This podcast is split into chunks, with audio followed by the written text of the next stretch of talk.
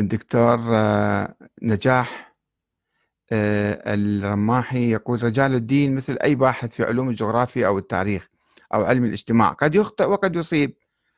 آه، في بحثه المشكلة في التقديس الأعمى وهذا التقديس موجود في الأزهر والسعودية وإيران والأكثر في العراق.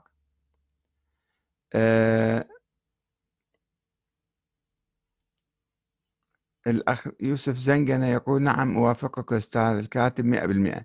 في زماننا والزمن القديم المرجعية بعيدة عن نهج وروايات محمد وآله والأسباب متعددة ويكثر الكلام فيها ولي كلام كثير لم ينزل الله بها من سلطان.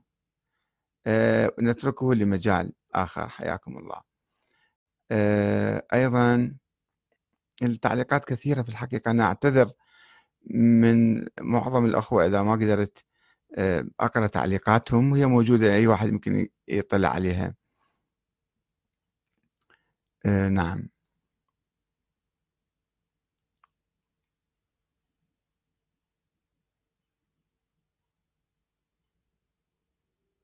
نعم. آه، تعليقات كثيرة جدا في الحقيقة وأنا أشكر جميع الأخوة المعلقين وإن شاء الله نأمل أن تصل هذه التعليقات أو ردود الأفعال إلى مكتب السيد السيستاني آه، ومكاتب بقية المراجع حتى يعيدوا النظر. وإذا هم كانوا مؤمنين بنظرية النيابة العامة وأنه المراجع هم نواب الإمام فنرجو منهم أن يبينوا بأدلة قوية. ما يصير بهالحديث الطاير الضعيف الكذا مثلا مجهول نجي نتمسك به ونأسس حالة سياسية معينة.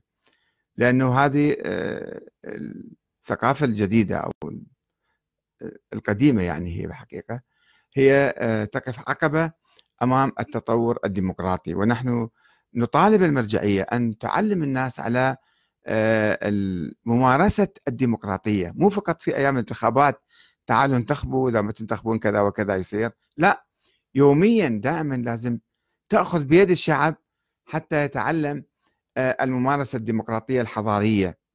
الإيجابية بدون تطرف عنف ولا سب وشتم ولا تقديس ومدح وهذا. أه، والسلام عليكم ورحمة الله وبركاته.